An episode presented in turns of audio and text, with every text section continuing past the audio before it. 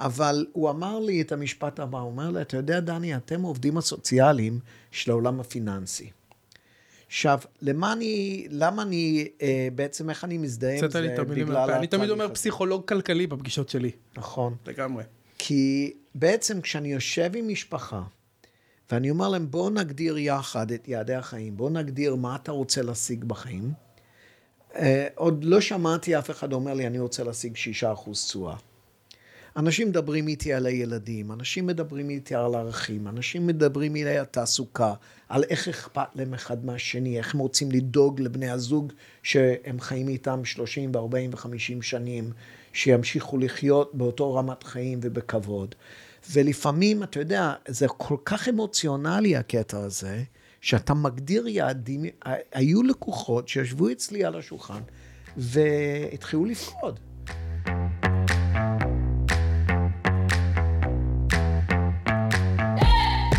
שלום לכם עכברות ועכברים יקרים! איך מרגיש לכם המרוץ בימים אלו?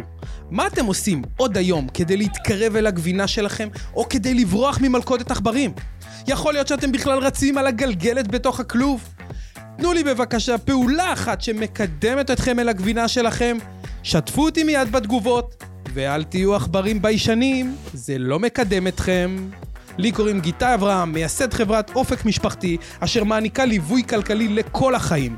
אני מלווה מעל לעשרת אלפים עכברות ועכברים בדרך ליציאה ממרוץ העכברים המתיש ואל עבר הגבינה שלהם. הגשמה עצמית, הכנסות פסיביות וחופש בחירה אמיתי. אני מזמין אתכם למסע של למידה, התפתחות ויציאה סופית ממרוץ העכברים. כל הדרך אל הגבינה שלכם. וזכרו תמיד, ניצחון במרוץ מתחיל בצעד אחד קטן, baby step. אבל חשוב מאוד שהוא יהיה צעד בכיוון הנכון. בואו נצא לדרך.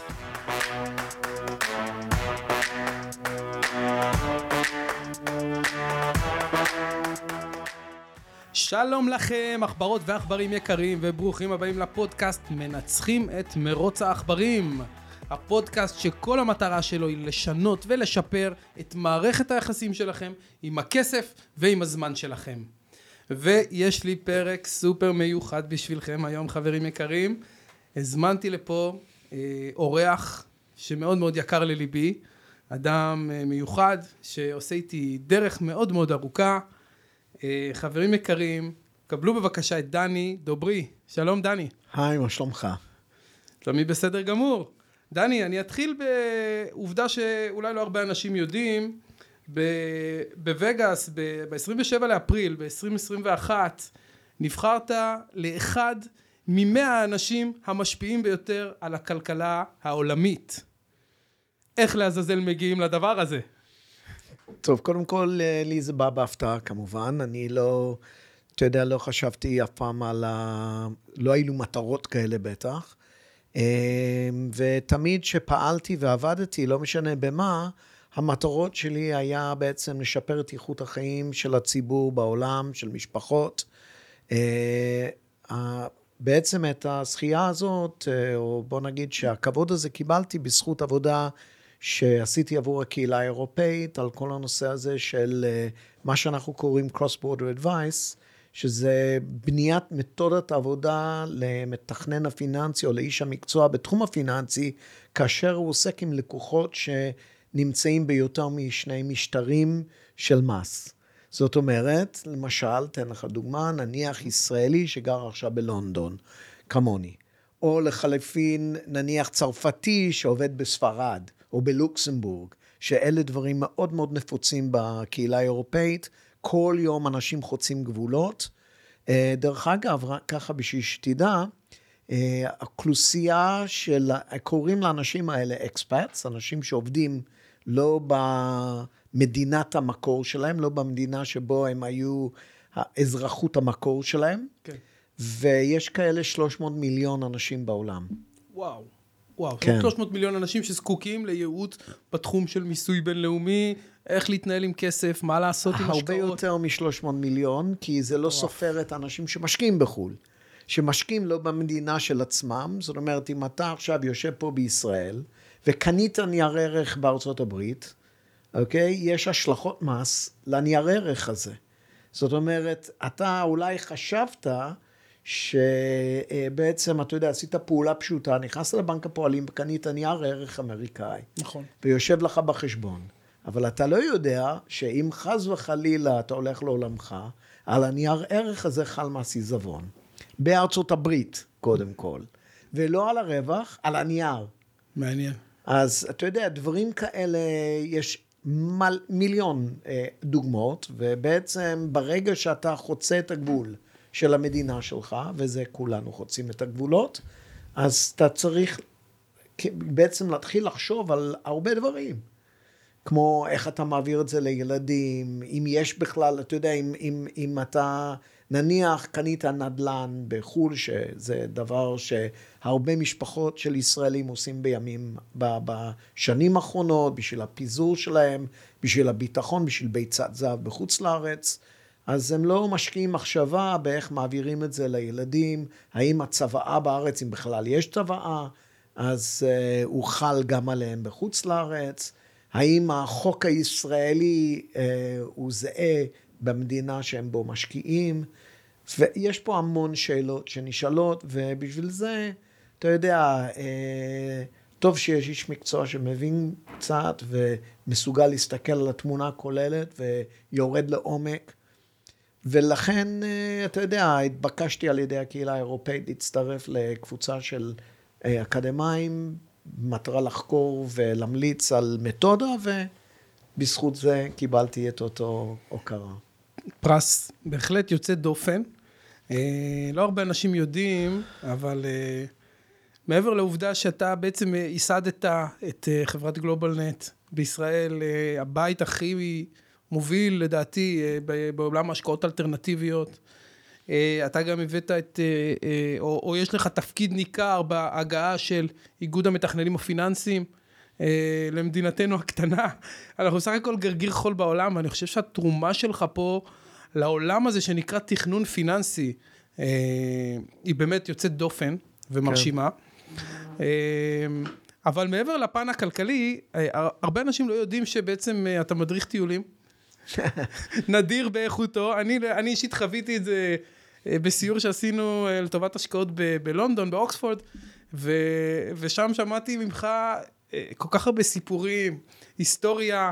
אה, זה, זה משהו שהוא תחביב או שזה פשן אמיתי? זאת אומרת... אה, תראה, אני, אמ, אני מאוד נהנה מזה, אני מאוד אוהב היסטוריה בכלל, אני חושב שאפשר ללמוד הרבה על מה שקורה היום מההיסטוריה, זאת אומרת, אנחנו יכולים בעצם, אתה יודע, אה, בעצם להבין את, ה, את ההזדמנויות ואת הסיכונים על ידי זה שאנחנו, בפרט אנחנו כיהודים, שזה עם, עם נרדף, עם עם הרבה בעיות, אתה יודע. אז אנחנו יכולים ללמוד, ו, ועצם העניין שנכנסים לעומק ומבינים איפה באנו ומה היה, אתה יודע, גם כשאני מטייל בכלל בעולם, כן? לא קשור ל...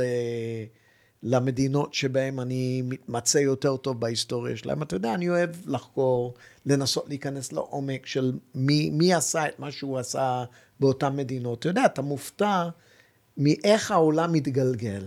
כן.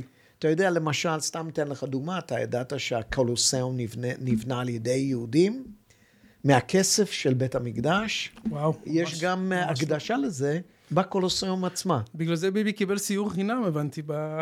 כן, כן. לא, הוא... כשהקוליסיאום סגור. אמרו, וואו, עכשיו יש עוד סיבוב, אפשר לעשות uh, בית מקדש שלישי, ועם הכסף של היהודים לבנות uh, עוד קולוסיאום. במקום אחר. כל הכבוד לנו שעזרנו לבנות את הקוליסאום ברומא. כן, נכון. באמת יפה. דני, תן לי בבקשה אה, עובדה מפתיעה, משהו, משהו מעניין לגביך, ניסיון עבר, חוויה מיוחדת, משהו שלא הרבה אנשים יודעים. אם בא לך ככה לחלוק עם, ה, עם המאזינים שלנו. אה, טוב, קודם כל, אה, אתה יודע, אני יליד מזרח הרחוק, וזה די... נדיר. הונג קונג, אם אינני טועה. אני נכון. יליד הונג קונג, ואבי גדל בשנגחאי, ואימא שלי במומבאי, בבומביי. שאבא שלי לא רוסי, ואימא שלי, אבא שלי לא סיני, ואימא שלי לא הודית, אבל uh, המשפחה שלנו, כמו הרבה משפחות של יהודים, uh, מטיילים ככה, מה שנקרא, ברחבי העולם. הסבא רבא רבא שלי, uh, האימא שלי היא משפחת אליעזר. ומשפחת אליעזר מאוד מפורסמת, אה, בעצם, אתה יודע, בעולם של החרדים. אה, הסבא רבא, רבא, אני יודע מה, כמה דורות אחורה, היה בעצם רב מאוד מפורסם בשם הרב אליעזר, הגאון אליעזר פפו. וואו. קראו לו, והוא כתב הרבה ספרים שלומדים היום במגזר החרדי עדיין, על ה... על, על חוקי יהדות ואיך לחיות חיים יהודיים. הוא היה הרב הראשי של בולגריה, והוא לא מבולגריה, בכלל המשפחה הגיעה מקרואטיה, ומשם, בקרואטיה הגיעו מהגירוש ספרד. והם עברו, הגיעו לטורקיה, ומטורקיה לעיראק, ומעיראק להודו. אז אה, זה, זה בעצם, אה, אתה יודע, דברים ש... קצת... אה, דרך אגב, בשביל זה אפשר לומר שאני באמת דוגמה מצוינת למי שחוצה גבולות, כי גם השורשים. חד משמעית. אה. אני, אני גם שמעתי ממך שאתה, כאיש העולם הגדול, כותב ספר, ש... כרגע בימים האלו בעריכה סופית, נכון? נכון, נכון. תכף יצא לאור, והוא נכון. אה, יוצא כרגע באנגלית, עברית? לא, יצא באנגלית, וכנראה הראשון, זאת אומרת, זה יפורסם באמזון בהתחלה. אה, ואחרי זה, ביחד עם היחצנים, אני אחליט בדיוק על האסטרטגיה, אם, אם, אם אני אשקיע בזה משהו, אבל זה, אתה יודע, רק בשביל הנשמה ובשביל הכיף. איזה יופי. אה, אחד הדברים, אחד הדברים שהגדרתי לעצמי כיעדים בחיים זה לכתוב את הספר הזה. אה, זה נקרא לחיות חיים בינלאומיים. וואו. ובעצם מסכם. אני מנסה לשתף עם הציבור אה, הרחב שבעצם זקוק לידע הזה, את הידע שצברתי במהלך החיים והניסיון, במטרה שהם אה, יוכלו להיעזר בספר ולקבל החלטות שישנה להם את, ה, את החיים ואולי יעזור להם להגשים חלומות קצת, אתה יודע. אני חושב שקודם כל עכשיו יותר מתמיד. כן. העניין רלוונטי וגם אקטואלי. ו... זה, אני חושב שזה פשוט מהמם אה, לעסוק בנושא הזה ולתת לאנשים את ההבנה שזו לא גזירת שמיים. זאת כל אחד יכול לקחת את עצמו, לשלוט בגורלו ולנהל את החיים בצורה שהוא רוצה ואיפה שהוא רוצה. נכון. ובצורה, אה, רצוי עם תכנון מקדים. נכון. אה, אז אני חוזר איתך רגע ליעדים. ציינת ככה על הדרך שהספר היה אחד היעדים שלך. בא לך אולי לחלוק איתנו איזה יעד עוד לא השגת? אמ, תראה, אני, אתה יודע, אמ, אני, היעד שלי בעצם זה לחיות חיים של ביטחון וכבוד. ואני מרגיש שבעצם אני אה, הצלחתי להשיג את היעד הזה, אבל אה, אני גם צריך לדאוג לילדים, שהם יוכלו לחיות חיים של ביטחון וכבוד, ואולי לילדים שלהם. אז זה לא, אף פעם לא יסתיים, גם היעדים משתנים עם הזמן. כי ביטחון וכבוד, אתה יודע, כן. זה משתנה, אתה יודע, יש כאלה, יש לי לקוחות או אנשים שעבדתי איתם, שהיו בכירים במערכת הבנקאית העולמית, אתה יודע, אנשים שהסטנדרט, מישהו היה רואה אותם, היה אומר, תשמע, זה החלום שלי להיות כזה, ולצבור את, ה, אתה יודע, הפיצויים של כמה מיליוני דולר.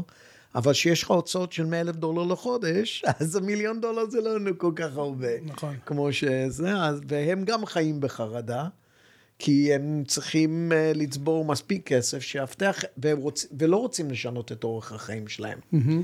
אז uh, אתה יודע, כל אחד עם הקנה מידה שלו. זאת אומרת, אתה אומר לי שהם גם עכברים במרוץ, אותם אנשים, פשוט המרוץ שלהם הוא קצת יותר נעים, מרופד. אולי הם על רולקס במרוץ, אבל, אבל הם עדיין במרוץ. תראה, אני אגיד לך מה, אה, קשה מאוד להשוות, וקשה מאוד להגיד זה סוג של בן אדם שנהנה ולא נהנה. אז אה, אני חושב שבן אדם שמתכנן את החיים שלו וחי בתוך התכנון, חי בתוך המסגרת שהוא קבע לעצמו, אה, הוא חי חיים ברמה שונה, אתה, הרי בעצם, למה אתה לא ישן בלילה?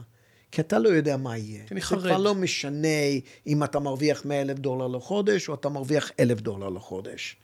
אם אתה מתכנן, אתה מוריד ואתה יודע מה אתה צריך לעשות, מה יקרה באירועים מיוחדים. זאת אומרת, נניח בורסה נופלת, הדולר עולה, אתה רוצה לדעת מה יקרה לך, אם אתה יכול להמשיך לחיות את החיים שאתה חי.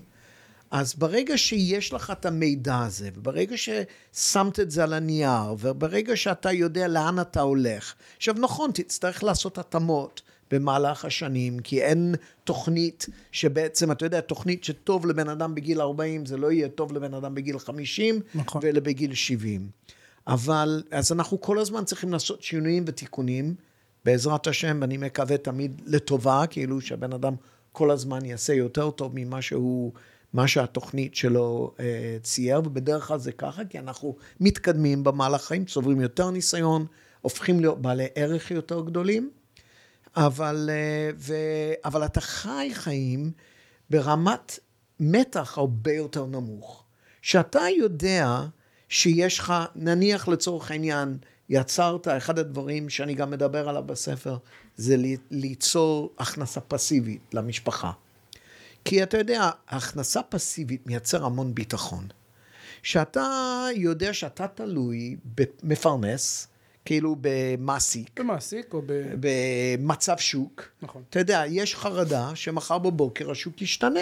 השוק משתנה היום, והרבה אנשים מוצאים את עצמם בלי עבודה. אה, או גם באופן זמני, החברות עוזבים את הארץ ומפטרים את כל העובדים שלהם פה, אתה יודע, זה לא נעים, אבל כשאתה בנית על עצמך הכנסה פסיבית כחלופה להכנסה שלך, אתה חי לגמרי אחרת מבחינת הביטחון שלך והכול. אז אה, אתה יודע, אה, אני חייב להגיד, ואתה יודע, דיברנו קצת על יעדים. כן. ואני אני עבדתי עם הרבה משפחות במהלך החיים, למרות שאתה יודע, עיקר העיסוק שלי זה לא טיפול במשפחה. אתה יודע שבעצם אני, אתה יודע, הרבה מהקריירה שלי שמתי סביב הנושא של ללמד אחרים. נכון, זו מטרה נעלה כן. אצלך מאז ומתמיד. בדיוק. לקדם את... לקדם את אנשי המקצוע בארץ, אני יכול להעיד שאני בתוכם כתלמיד תודה. צנוע שלך. כן. אה, וזה, אני חושב שזה יעד נשגב. אבל ו... אני עדיין, עם כל זה שהייתי יושב ראש המכללה לתכנון פיננסי ולימדתי תואר שני באוניברסיטת חיפה, הייתי תמיד עסוק בלשתף אנשים בידע, ודרך אגב, לי אין שום דבר שאני יודע שאני לא מוכן לספר למישהו אחר. זאת אומרת, כחוק אני אומר, אין לי, לא צובר ידע, לא מעניין אותי, זה לא נכס מטורף. ששייך לי, זה נכס ששייך לעולם. זו תכונה ש... של עכבר מנצח. נקודה. אני... אני חושב שעכברים שהם קצת מעל המסלול, זה אותם עכברים שיכולים טיפ-טיפה לעלות לרגע ל-30 אלף רגל ולהסתכל מפרספקטיבה אחרת על כל העכברים האחרים שעומדים כרגע בפקק ובלחץ ובסטרס, וכמו שתיארת את זה מאוד מאוד יפה, יש קצת הכנסה פסיבית, אז יורד לי מפלס הסטרס. נכון. והיעד שלי מתאים לחיים שאני מנהל, אז יורד לי מפלס הסטרס. ובאופן כללי, יש לי תיאום ציפיות הרבה יותר טוב עם עצמי. נכון. כלומר, אני משנה לשנה מגדיר לעצמי מה יחשב הצלחה, מה יחשב כישלון. אני גם מסתכל לכישלון בעיניים, אני מחבק אותו, אני אוהב אותו, זה חלק מההתפתחות והלמידה של כולנו. ו- ו- ואיך אמרת יפה, גם להתמודד עם מלכודות עכברים. עם uh, נפילה של שער המטבע, עם נפילה של ה stock market, כן. עם כל מיני דברים שהם מקרו-כלכליים או גם אישיים, אתה יודע, עניינים משפחתיים, עניינים uh, תעסוקתיים. אני חושב שסוד, אחד הסודות של uh, עכברים מנצחים שאנחנו קולטים פה בפודקאסט ברעיונות, זה, זה הנושא שיש תיאום ציפיות בריא עם עצמך, פעם ראשונה, פעם שנייה, מתאהבים באי ודאות. זאת אומרת, אני מגלה שהרבה מאוד אנשים, אתה קורא לזה תכנון אסטרטגי, זה נכון, אבל באיזשהו מקום אני חושב שמצליחנים אמיתיים, הם פשוט מחבקים את האי-ודאות. הם הולכים אליה בשמחה וברצון, לא חוששים משינוי, הם מבינים שאדם הוא לא עץ, הוא כל הזמן בתנועה, ו- ו- ומסתגלים מהר. פשוט אימצו יכולת הסתגלות. אני חושב שזה בידול מאוד מאוד משמעותי. אמ, ואני רוצה לשאול אותך ככה... אבל לפני שאתה שואל אותי, אני רציתי להתייחס למה שאתה אמרת. שני דברים אני רציתי להגיד. בטח. אחד הוא, כשאני עובד עם משפחה, ואני תמיד אומר, התחלת התכנון של המשפחה זה להבין, להבין אותם. זאת אומרת, להבין את יעדי החיים שלהם. יעדי החיים, כשאתה מדבר על יעדי החיים, זה גם מה רוצים לחיות, איזה סוג של חיים רוצה להיות, איזה ערכים יש להם, סדרי עדיפויות שלהם. אני אומר, אתה יודע, זה הכי מצחיק. אה, אמרתי לך שלימדתי תואר שני באוניברסיטת אה, חיפה, אז הפרופסור שלי היה פרופסור איזי דורון, הוא ראש הפקולטה, כן. עד היום דרך אגב, ולצערי, בגלל שאני גר בלונדון, אני כבר לא יכול להרצות יותר. אה, יקבלו אותך גם בזום. אתה יודע מה, לא חשבתי על זה, אבל בוא, יש, יש גם גבול למה אני יכול לעשות. אבל הוא אמר לי את המשפט הבא, הוא אומר לי, אתה יודע, דני, אתם העובדים הסוציאליים של העולם הפיננסי.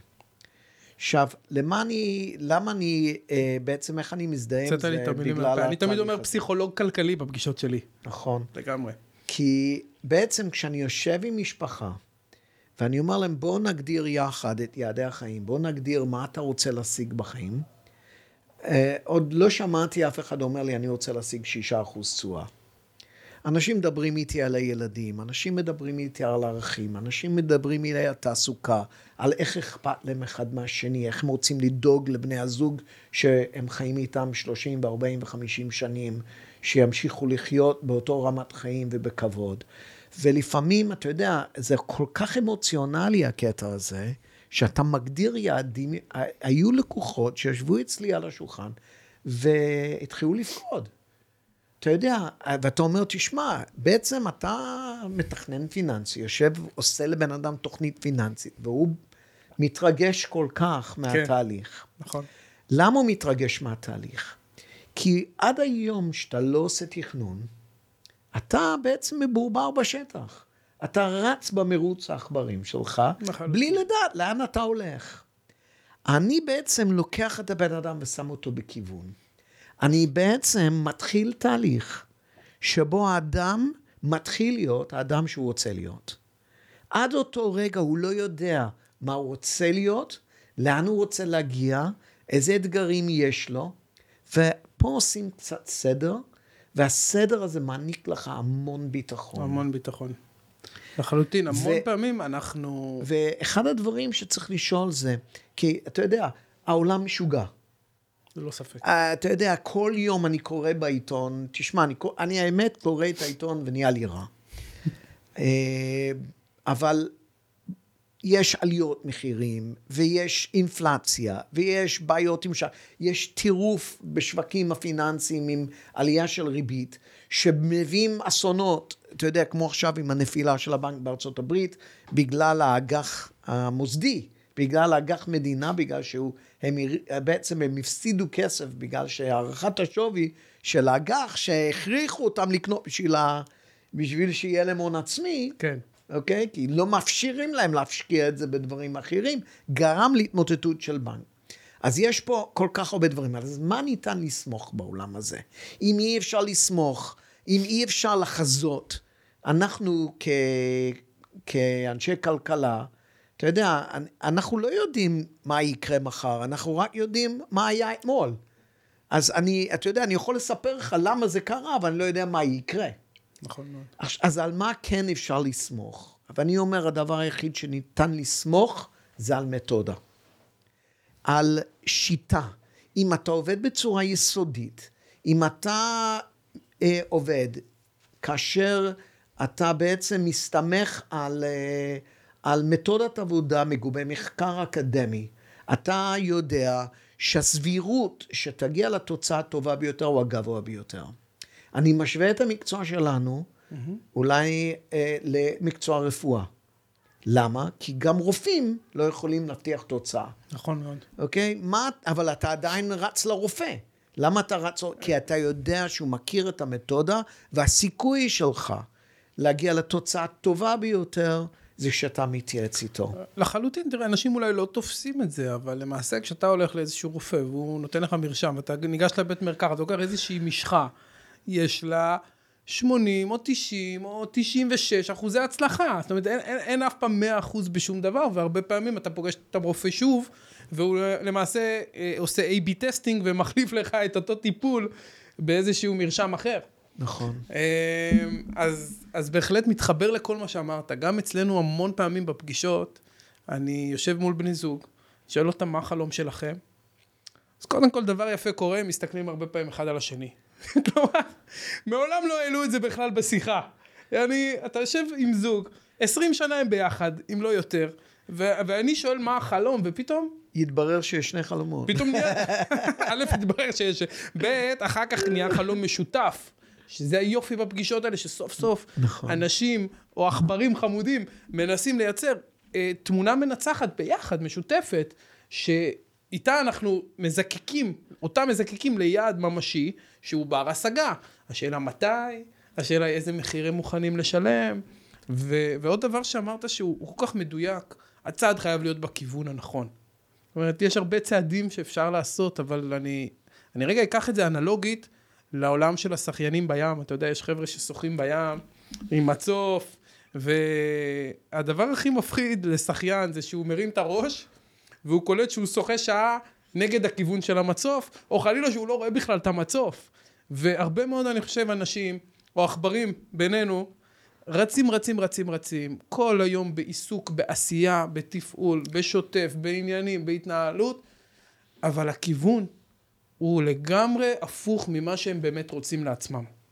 ואני חושב שאנשים צריכים לעצור ולחשוב רגע, לשאול את השאלות הנכונות, את עצמם, ללכת לשאול איש מקצוע איך להגיע ליעד המדויק עבורי, או מה הגבינה בשבילי. אה, לא מעט פעמים אנחנו מדברים עם אנשים על כסף, והרי השיחה גולשת לזמן ולחופש. זאת אומרת, אתה, אתה בטח מסכים איתי שכסף, או כל אמצעי פיננסי הוא רק כלי. מה המטרה האמיתית בעצם? מה, מה המטרה האמיתית? או בוא אני אשאל אותך, איזה מסר היית רוצה עכשיו לשדר לעכברים ששומעים אותנו, ורצים במרוץ, ועכשיו הם עומדים בפקק, הם בדרך לעבודה, או שהם מנסים לנהל את העסק שלהם בדרך לא דרך.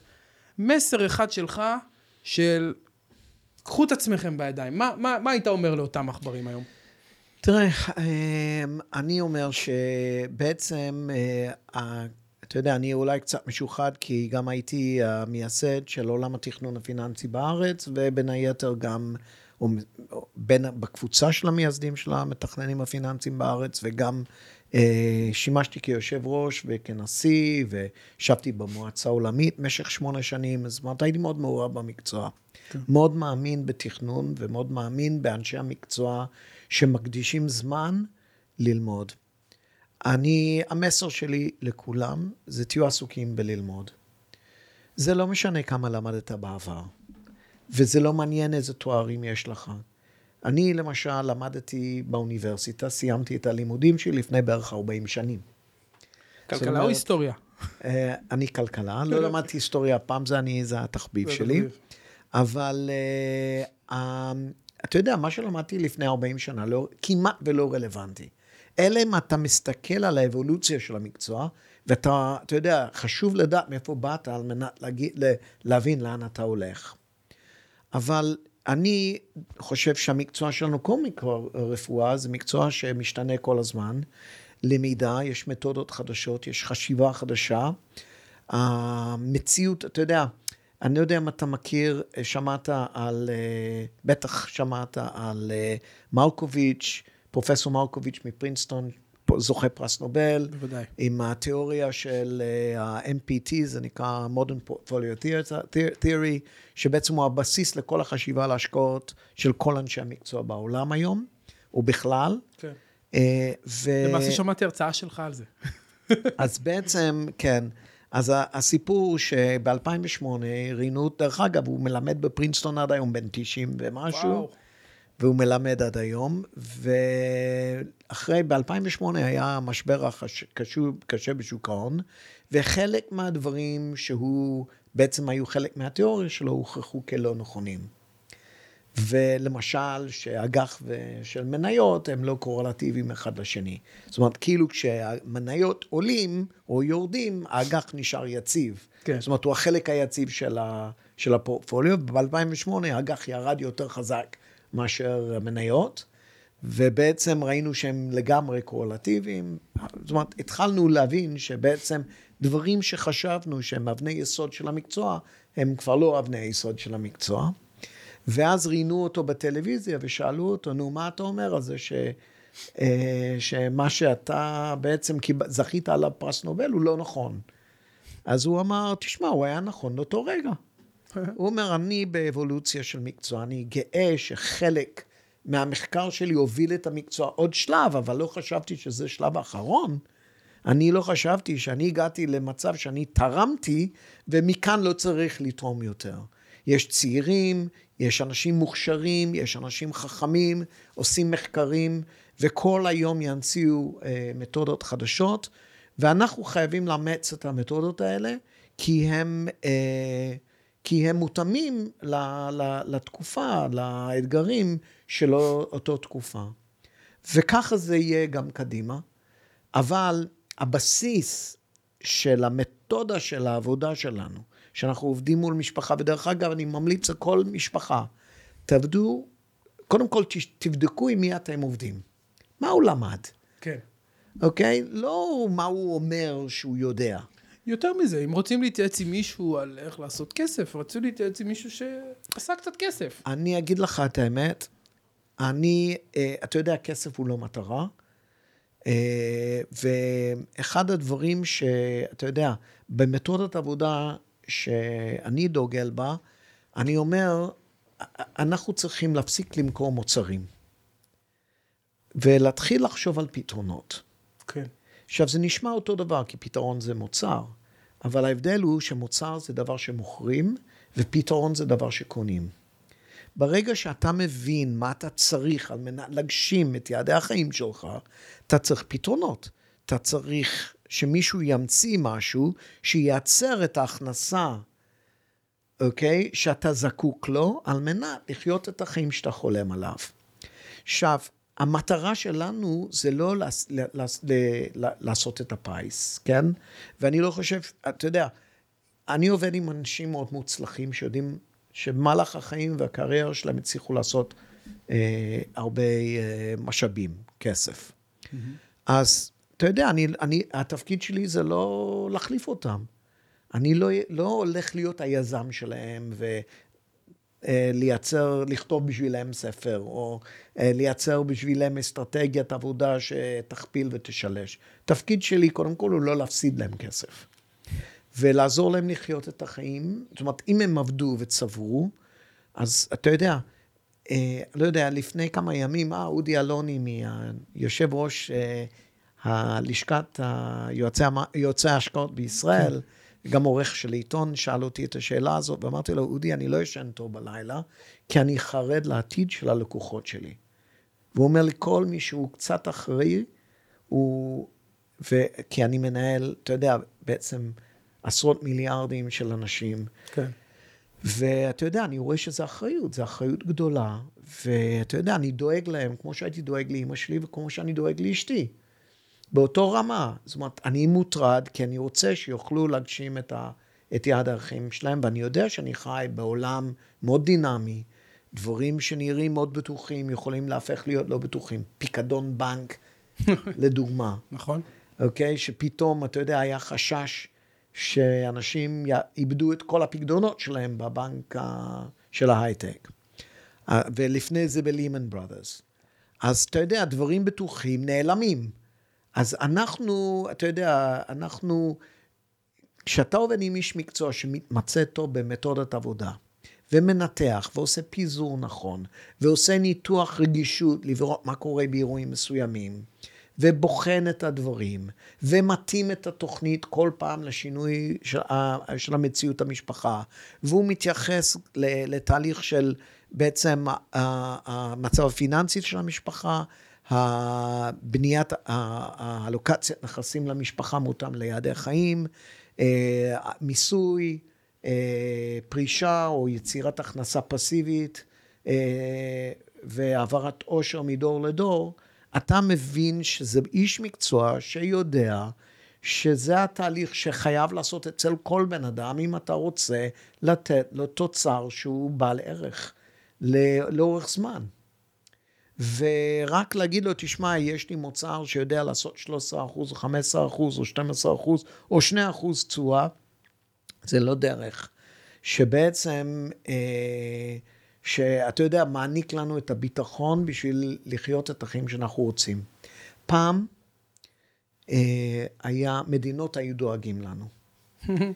פעם היה פנסיה תקציבית, מצחיק, כן. שאתה ידעת שאם אתה עובד 35 שנים באותו מקום עבודה, ורוב האנשים עבדו באותו מקומות עבודה עשרות שנים, המקום עבודה או המדינה או האיגוד המקצועי שלך ידאג לך לחיות באותו רמת חיים עד שהיום שאתה בעצם מזדכה על הציוד. כן, היום גם למי שיש לו קביעות, יודעים כבר שזה בדיחה, שזה לא... העולם, העולם של הילדים שלי שונה לגמרי. הוודאות שלהם היא הרבה יותר קטנה, אה, אנשים זזים ממקום עבודה למקום עבודה, אחריות שלהם בלבד לצבור את ההון שיבטיח להם את העתיד. לא יכולים לסמוך על מדינות או על איגודים מקצועיים, על מקומות עבודה. אנחנו צריכים לדאוג לעצמנו, ולכן אה, החלופה למקום עבודה טוב זה איש מקצוע טוב, שלמד, מתמצא, השקיע ומשקיע. ולומד כל הזמן. וממשיך להביא את החומר העדכני ביותר. אז העצה הגדולה ביותר שלי זה תשאל את אנשי המקצוע, מה למדת אתמול? לא מה למדת בכלל. אהבתי. איזה תעודה יש לך? תעודה קיבלת לפני עשר שנים, עשרים שנה, שלושים שנה. זה לא אומר כלום. מה אתה למדת השנה? מה הלכת, מה עשית בשביל שאתה תהיה בחזית המקצוע? שבאמת יהיה לך מענה לאתגרים של היום, שהם שונים לגמרי ממה שהיה לפני שנתיים, חמש שנים, ובטח לפני עשרים שנה. לחלוטין. אז בוא, בוא ניגע רגע בקרקע, לטובת כל אותם עכברים שמאזינים לנו ורצים להם במרוץ האינסופי הזה. אה, ולחלקם, אתה יודע, אה, יש אה, איזו דירה בישראל, יכול להיות שיש עליה משכנתה, כפי הנראה אה, 50-60 אחוז מהשווי, ויכול להיות שלאותם אנשים יש אה, אה, איזה שהם חצי מיליון שקלים, קצת בקרן השתלמות, אולי קצת בקופה גמל, ורובם כמובן, יחד עם הפנסיה, אה, בגלל שככה איזה מישהו שהמעסיק מינה להם, אה, יושב בשוק ההון. והיום אתה יודע, שוק ההון מדמם.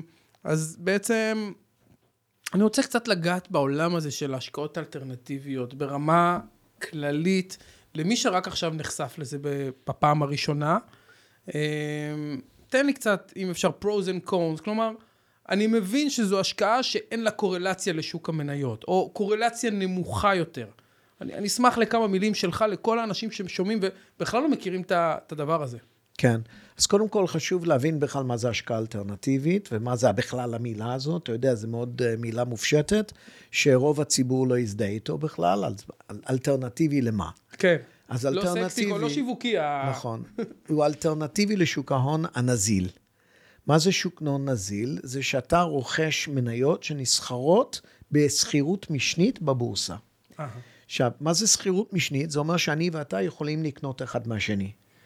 ובעצם יש המון נזילות. השוק העולמי הוא בעשרות ומאות טריליונים, ובעצם, אה, אתה יודע, חלק מהמניות, כמו מניות של S&P ודברים כאלה, 100 גדולים בעולם, וכל מאוד נזילות, ולכן יש, אתה יכול לקנות ולמכור אותם בקלות.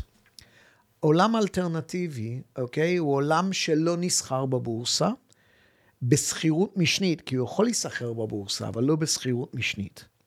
עכשיו, מה הוא יכול לכלול? הוא יכול לכלול חברות. חברות לא רשומות למסחר, שדרך אגב, שם כנראה יש יותר הזדמנויות מאשר חברות שרשומות כבר. כן.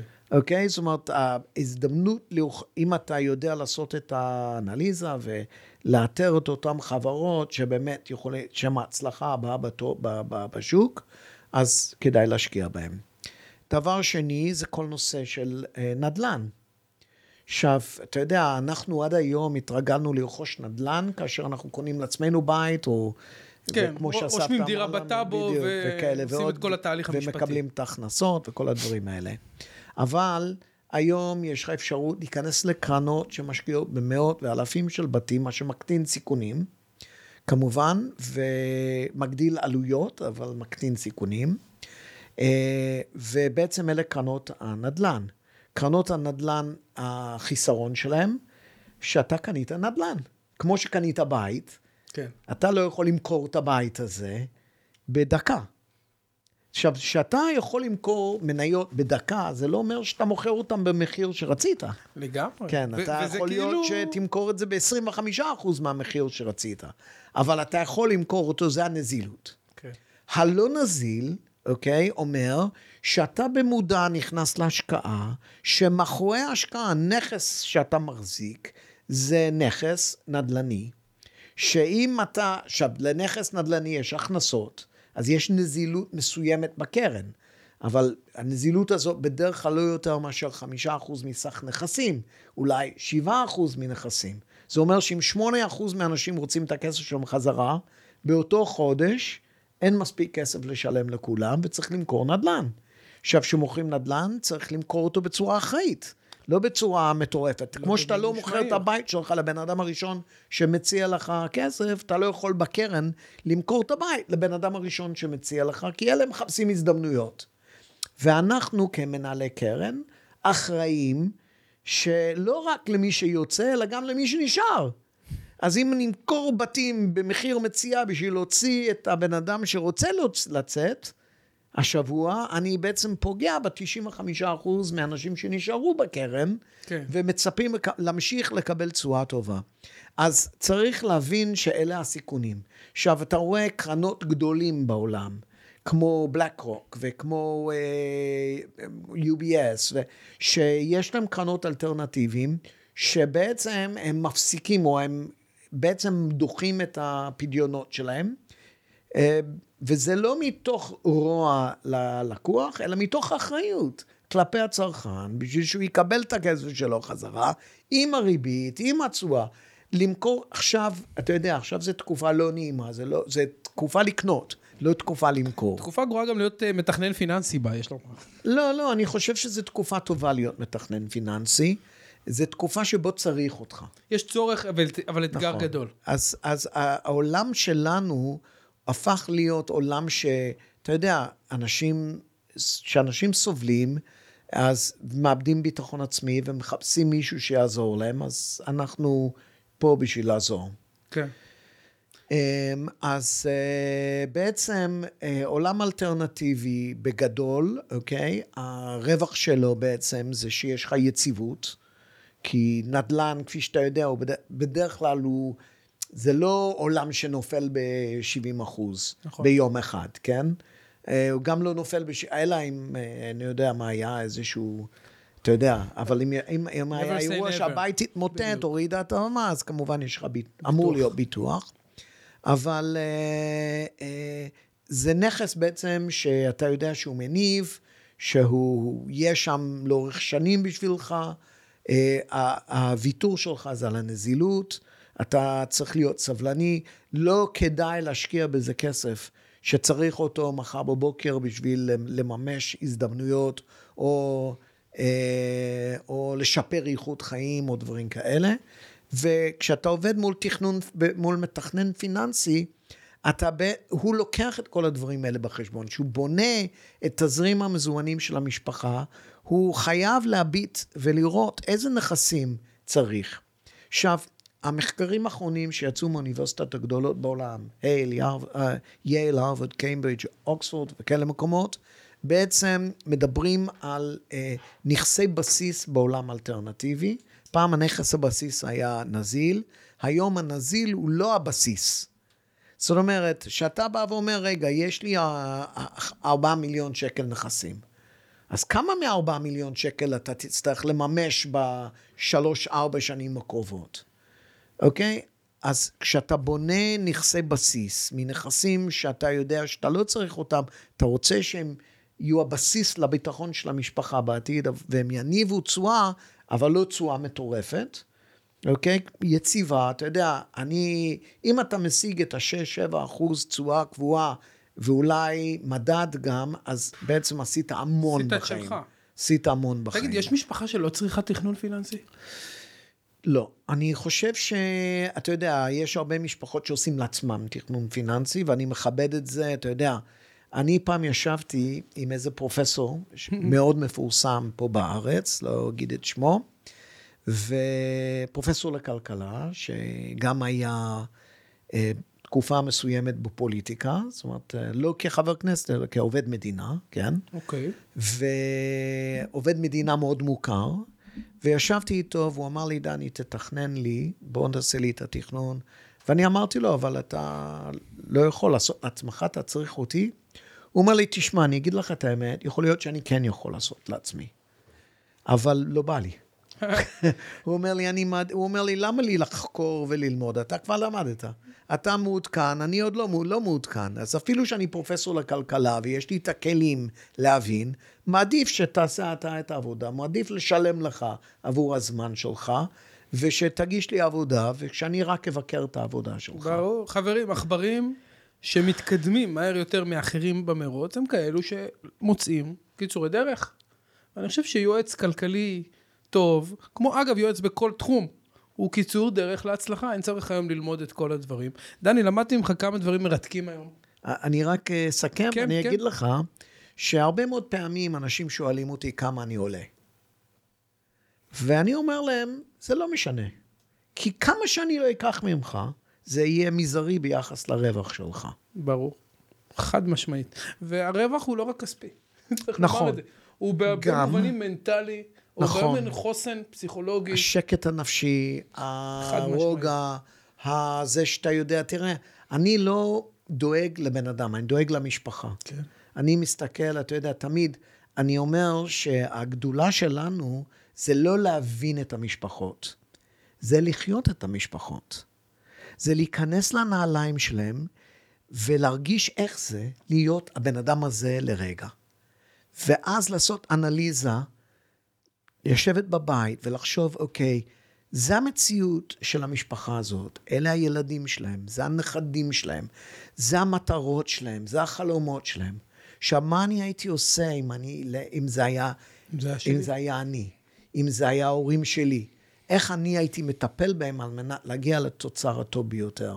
אני חושב שהרבה עכברים ששומעים אותנו צריכים להיות קצת יותר ענבים ביום-יום שלהם, ולהבין שלא כל אחד יכול לנהל סיכונים בעצמו. לא כל אחד יכול לקחת אחריות על עתיד המשפחה שלו, ואגו לא מה שצריך להניע אותנו, אלא שאיפה לצמיחה.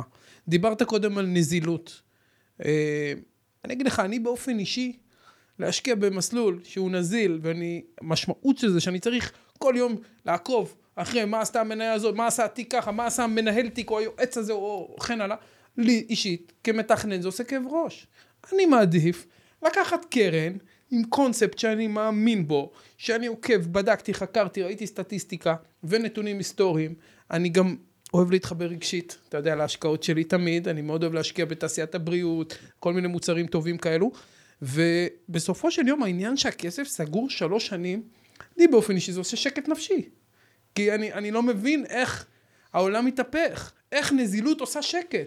נזילות הרי אמרת קודם יפה, עכשיו המניה ירדה, אני צריך מיד לממש, אני לא יודע אם לממש, אני אממש בהפסד, אני אצא במצב כזה או במצב אחר. לעומת זאת, כשאני היום קונה קרן, למשל, כמו, כמו מונטרו הלפקר לדוגמה, משקיע בתעשיית הבריאות בלונדון, יש לי שכירות מממשלה או מעירייה, יש לי מודל אה, אה, שהוא מגובה בנדל"ן, אני יודע שיש לי שלוש שנים שקטות. זה לא גורם לי כל שנייה להיכנס, לחיות, ליזום. אתה מתחבר לזה? זאת אומרת, כן. אני אגיד לך, אני ארחיב את זה אפילו עוד יותר. אה, דיברנו בעצם על, אה, על אה, מרקסטון והפרס נובל שהוא זכה עבור ה-MPT. ואני דווקא רוצה לדבר עכשיו על קהנמן, עוד אחד מה...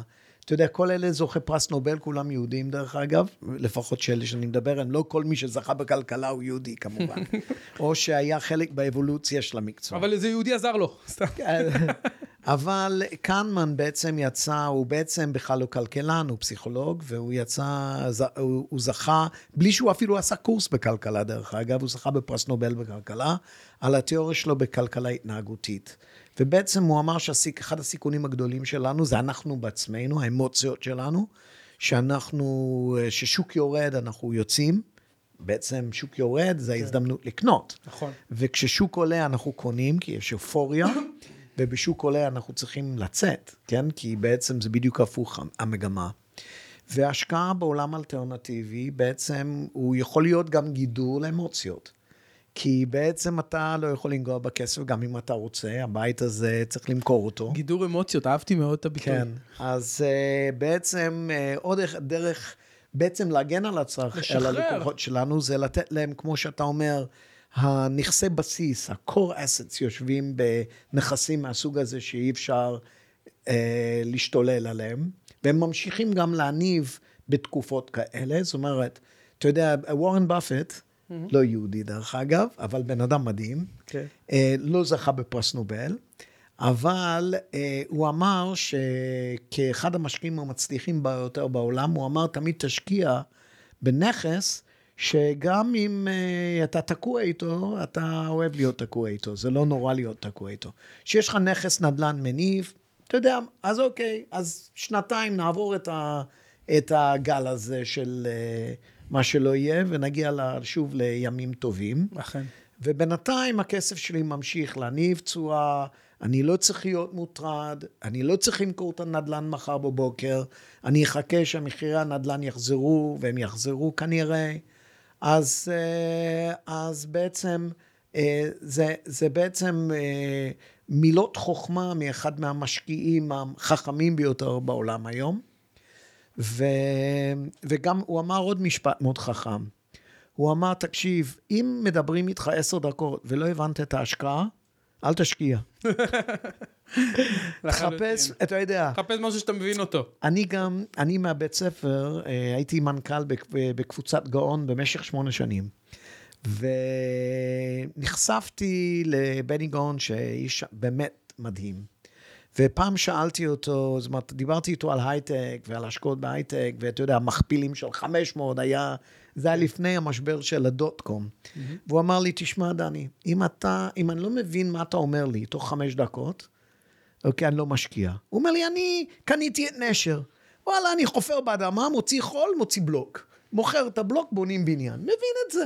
פשוט. הוא אומר לי, עכשיו, תסביר לי מה זה מכפיל 500 על איזה רעיון של בן אדם, רעיון של בן אדם, אוקיי? שהוא יבנה תוכנה שתשנה את העולם. הוא אומר, אני... יכול להיות שזה טוב, אני לא שם. אם זה לא פשוט... ואז הגיע משבר הדוט קום, ובעצם... הוא אה, התגלה שהוא צדק. וכן. טוב, אחד הדברים שאנחנו מגלים בתקופה האחרונה זה שבעצם כל הבתי השקעות המוסדיים, אלו שמנהלים לנו את כל הכספים במדינה, למעשה, הפורטפוליו שלהם מורכב מנכסים אלטרנטיביים ברובו או בעיקרו. אה, לא הייתי אומר רובו ועיקרו, הייתי אומר שיותר ויותר כל זמן, mm-hmm. אם אנחנו מסתכלים, בוא נניח, חמש שנים אחורה, ממוצע תיק פורטפוליו של חברה היה בערך חמישה אחוז אלטרנטיבי. אפילו הרגולטור מנע מהם להשקיע יותר מאשר עשרה אחוז. והעשרה אחוז הזה הפך להיות עשרים בגלל ביקושים, ועכשיו הוא שלושים, ואפילו ארבעים במקרים מסוימים. אני רואה שזה אבל... רק ילך ויעלה. זה הולך ועולה, אבל אה, כן, ה-core asset שלהם יושבים באמת בדברים האלה, ואפשר לומר שהם מהווים 30 אה, אחוז מהפורטפוליו, פשוט מרתק לא הייתי אומר הרוב. פשוט מרתק בעיניי שרוב יועצי השקעות עובדים באותם גופים, ולמעשה משקיעים על שוק אחר לגמרי. אבל זו שאלה שאנחנו, כנראה היא תישאר לנו... אתה תעשה איתי עוד שיחה של שעה, ואני, אה, בדיוק, יש לי מה להגיד על זה. אנחנו לקראת סיום, אנחנו אה, בסשן סוף שלנו, אה, שבע שאלות מהירות. אוקיי. ותשובות שאתה שולף מהמותן, עד כמה שאתה יכול, לא הכנתי אותך מראש. טוב. דבר ראשון, מה זה אומר עבורך מרוץ העכברים? מתי לך נפלה ההבנה שאתה בעצם עכבר שרץ במרוץ? תראה, יש אמרה באנגלית, אומרים, The only problem with a rat race is that even if you win, you're still a rat. אז uh, המרוץ העכברים, uh, אנחנו לצערי כולנו נמצאים בו, אבל uh, אבא שלי, יותר מבכל. אבא שלי, זיכרונו לברכה, אמר לי, תקשיב, דני, בכביש הזה שרצים כל העכברים, אי אפשר להתפרנס בכבוד. אפשר להתפרנס בכבוד, אבל זהו. אפשר לנצח, אפשר להיות יותר מהיר מהעכבר השני. כן. אבל אם אתה רוצה משהו מיוחד, תצא מהכביש. בדיוק. חפש מחוץ לכביש הזדמנויות. מדהים. תשובה טובה. בתור עכבר אה, בכיר מן המניין בכל זאת, או עכבר בדימוס, איך שתרצה, מה זה מבחינתך להגיע לגבינה? איך מנצחים במרוץ העכברים? אני לא יודע, אין, אין, אין לנצח בחיים, יש לחיות חיים טובים. בשבילי, בן אדם שהוא מאושר, הוא ניצח. מדהים. אז... אני לא יכול להסכים יותר. כן. מדהים. הוויה שמחה, לפני הכל. נכון. זה תיאום ציפיות בריא עם עצמך, זה גם דיברנו על זה קודם. קרה לך בעבר שבוודאות, עשרות פעמים גם דיברנו על זה, אבל מתי, תן לנו מקרה חריג, מיוחד, שהזיזו לך את הגבינה. שלך, ב- בעסק או בחיים, משהו ש, שנתקעת במלכודת עכברים והיית צריך ממש לעשות שינוי כדי להתמודד איתה. תשמע, אה, לא ק... היה לי יום שלא קמתי למציאות חדשה. העולם שלנו, אתה יודע, אני כלכלן, וכלכלה זה מדעי המדינה, מדעי החברה ולא מדע מדויק. זה אומר שהחברה היא קובעת. אז אני חושב שהכישרון הגדול ביותר של מנהל היום זה היכולת להתאים את עצמו לנסיבות החדשות, שכל יום נולדים. אז אה, להגיד לך אירוע מיוחד, היה לי, אתה יודע, אני בקריירה של 34 שנים, היה לי הרבה, אתה יודע, חייתי את אינפלציה של 600 אחוז במדינת ישראל. כן. אתה יודע, היה תקופה שהעדפנו לשלם במונית מאשר באוטובוס. כי באוטובוס אתה משלם כשאתה עולה, ובמונית אתה משלם כשאתה יורד. אז uh, אתה יודע, כל ה... עברנו את הכל, עברנו uh, שינויים מטורפים של המשק, של החברה. אין דבר שלא השתנה, אתה יודע, תסתכל אחורה בעולם, ובפרט במדינת ישראל. אתה יודע, אני עליתי לארץ בסביבות מלחמת אה, יום הכיפורים. תחשוב איזה מדינה הייתה במלחמת יום הכיפורים והיום. בעצם אתה אומר לי, הגבינה זזה כל שנה. כל יום. כל יום. כן. אוקיי, חבר'ה, תתאהבו בזה שהגבינה זזה, תתחילו לראות uh, מה האזימות אליה ב- בכל רגע נתון. צריך מצפן טוב בשביל זה. דני, um, הדבר האחד שאתה יכול להצביע עליו כרגע, שהוא הכי עזר לך בתחילת מרוץ העכברים. Um, אתה יודע מה? אני, כשהתחלתי את המקצוע, ונכנסתי ל... עבדתי בהראל בהתחלת הדרך, כן. כן, בהראל חברה לביטוח, אבל בעולם הפנסיוני, לא בעולם של ההשקעות, בעולם הביטוח הכללי. ונכנסתי למשרד, ושמתי לב, היה לנו מזכירה, בחורה בשם דלית, אני לא אשכח. הייתי ילד, הייתי בן 22. הייתי לפני, בזמן הלימודים האקדמיים, שלי, זאת אומרת, עבדתי בזמן שלמדתי. לא זכיתי להורים שיכלו לתמוך בי חמש-שש שנים שאני אשב על הדשא ו- אה, ואלמד. כן. אבל uh, שמתי לב שדלית uh, מקבלת הודעות כל היום מלקוחות, והיא שמה אותם על, היה מסמר כזה עם פתקים. כן. והמסמר הזה היה מלא במיליון פתקים, ואף אחד לא מוריד אותם בכלל. ואף אחד לא מחזיר טלפונים. ואמרתי לעצמי, וואו, אם אני אחזיר טלפון, אני אהיה מיוחד. אם אני אתייחס לבני אדם, אתה יודע, גם שיש בעיה, אז אני אהיה המיוחד בתוך החבילה הזאת. ודרך אגב, אני עד היום, 43 שנים, עדיין מחזיר טלפון לכל מי שמתקשר אליי, ולא משנה מי הוא. אני עד לזה, זה נכון. כן, זה לא משנה אם זה בן אדם, עם אה, אישה בת 80, שיש לה צרה עם אלף שקל. מטורף. אני אענה לטלפון, וכמו שהייתי מטפל בסבתא שלי, או באימא שלי, אני מטפל בה ככל שאני יכול, בשביל לעזור להם, ולא לא בשביל מחפש שכר טרחה או משהו כזה. אלא, אתה יודע, אני מאוד מאמין שבחיים האלה, אוקיי? You make a living from what you get, but you make a life from what you give. נתינה לפני הכל, וזה שיעור מטורף. שכל הפודקאסט הזה שיעור מטורף איתך, דני. אם אתה פוגש עכשיו עכבר צעיר, מתלבט, שחושש, חושש מהצעד הבא, חושש לנסות לנצח במרוץ, איך היית עוזר לו? תן לו, תן לו טיפ ראשון לעשות את הדברים. אה, תראה, אני אגיד לך מה, כולנו פוחדים. החיים, אתה יודע, פחד זה בעצם ניתן לנו כתכונה או כמשהו, אתה יודע, מה, משמיים, מהטבע, אה, בשביל להגן עלינו. אבל אם הפחד מתגבר ובגלל הפחד אנחנו לא עושים, אז אה, זה טעות ענקית. צריך לחבק את הפחד, צריך להסתכל לו בעיניים, כולם פוחדים. אתה יודע, פוחדים לדבר על הבמה, פוחד, זה מתחיל בבית ספר, פוחדים להתבטא בכיתה, פוחדים להתנגד למורה או להביע דעות. תביע, תלך עם, עם, עם הנכון, עם האמת שלך, בצורה מנומסת, בצורה שלא פוגעת באף אחד, ואני חושב שזה התחלת תהליך של להגיע לאן שאתה רוצה. כי בלי, בלי להתמודד עם פחד, מישהו פעם אמר לי שאנשים המצליחים בעולם זה אלה שיודעים לישון בלילה עם צרות. כן. אני 43 שנים אה, קם כל בוקר עם צרות. אין לי יום שלא מגיע אליי צרות חדשים, ואני חי איתם אה, כי זה חלק מה, מהחיים. צרות זה חלק מהחיים. אה, ואתה יודע, כמו, יש שיר של טנסון שאומר שאתה צריך, אה, אתה יודע, לא להתרגש מהצלחות ולא להתרגש מכישלונות. כי הם שייכים בדיוק לאותו דבר, חלק מהחיים. אז uh, פשוט צריך ל- walk the walk, להתמודד עם מה שקורה בדרך, לא לפחד, ותגיע בסוף, אתה תגיע ליעדים, כי כבר רק עצם העניין שאתה עושה את זה, נכון. שאתה מתמודד עם הפחד, אתה כבר בטופ 2% של האוכלוסייה. לגמרי. עצם העשייה, עכברים יקרים, עצם התנועה לכיוון הנכון, כבר היא בפני עצמה מהווה את רוב הדרך. אנחנו נקבל החלטות גם לא טובות בחיים. לחלוטין, יש גם המון צריך- מחקרים על זה, ש- שהתחושת עושר הפנימית, ההוויה הטובה שלנו, נובעת מהתקדמות. זאת אומרת, אם אנחנו מרגישים בהתקדמות ולא בסטגנציה, אז כבר אנחנו מאושרים, ואני חושב שזה חצי ניצחון. במרוץ. כן. זה כבר חצי מהגבינה אצלך ביד, משם תמשיך ליעדים הבאים. דני, שאלה אחרונה יקר, אה, אני רוצה שתיתן שאלה אקראית ממך למרואיין הבא שלי. וואלה, לא חשבתי על זה.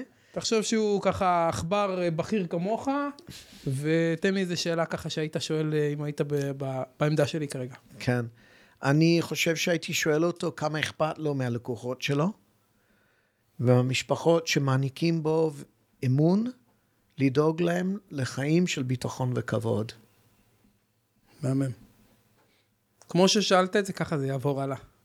דני דוברי, אני רוצה להגיד לך המון המון המון תודה, היה לי לעונג לארח לי. אותך כאן. גם לי. תמיד אה, פנינים, כמות הציטוטים והדברי חוכמה שיצא פה היום, זה, זה כיף גדול, ואני ממש שמח שבאת.